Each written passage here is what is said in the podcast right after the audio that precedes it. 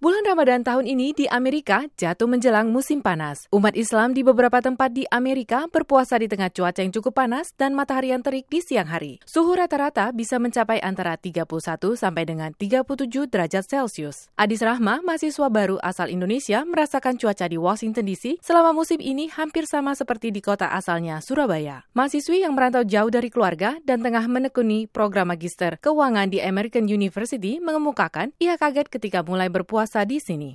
Awalnya kaget ya, soalnya kan ini pertama kali saya puasa lebih lama daripada yang di Indonesia. Di sini puasanya sekitar 16 jam. Terus juga jauh dari keluarga, jauh dari teman. Uh, cuacanya juga sudah mulai panas di Washington DC.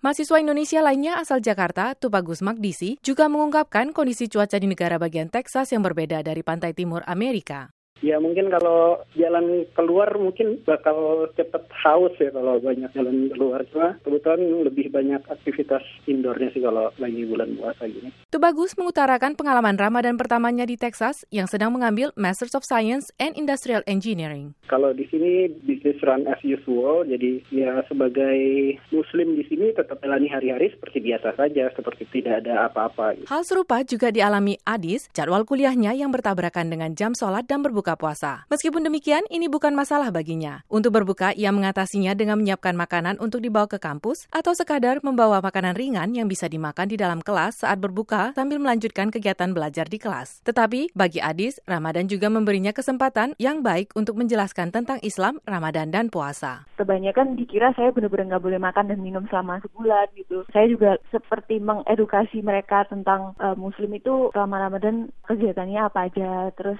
terms-terms yang mereka baru tahu itu juga saya kasih tahu. Mengingat waktu puasa yang panjang, apalagi yang bisa dilakukan sebelum berbuka? Itu bagus mengisi waktunya dengan berbagai kegiatan, di antaranya menonton film dan berbelanja bersama teman-temannya. Kita pengen kayak uh, mengingat-ingat bagaimana buka di Indonesia, jadi kita kayak belanja barang-barang, bahan-bahan masakan mas untuk bikin masakan-masakan Indonesia dan bukaan-bukaan khas Indonesia seperti es buah. Kedua mahasiswa baru di Amerika ini tentu saja masih teringat dan merindukan suasana berpuasa di Indonesia. Mulai dari santapan berbuka, berkumpul menunggu azan maghrib, berbuka puasa bersama keluarga dan teman-teman, hingga sholat terawih di masjid. Akan tetapi, Adis dan Tubagus sangat menikmati pengalaman pertama mereka berpuasa di Amerika. Adis mengatakan pengalaman berharga yang ia peroleh adalah merasakan menjadi minoritas di negara yang terdiri dari bermacam kelompok masyarakat. Meskipun ia berada di tengah orang-orang dengan kepercayaan dan latar belakang yang berbeda-beda, mereka dapat saling toleransi. Saya Metri Nigawani, Voice of America, Washington DC.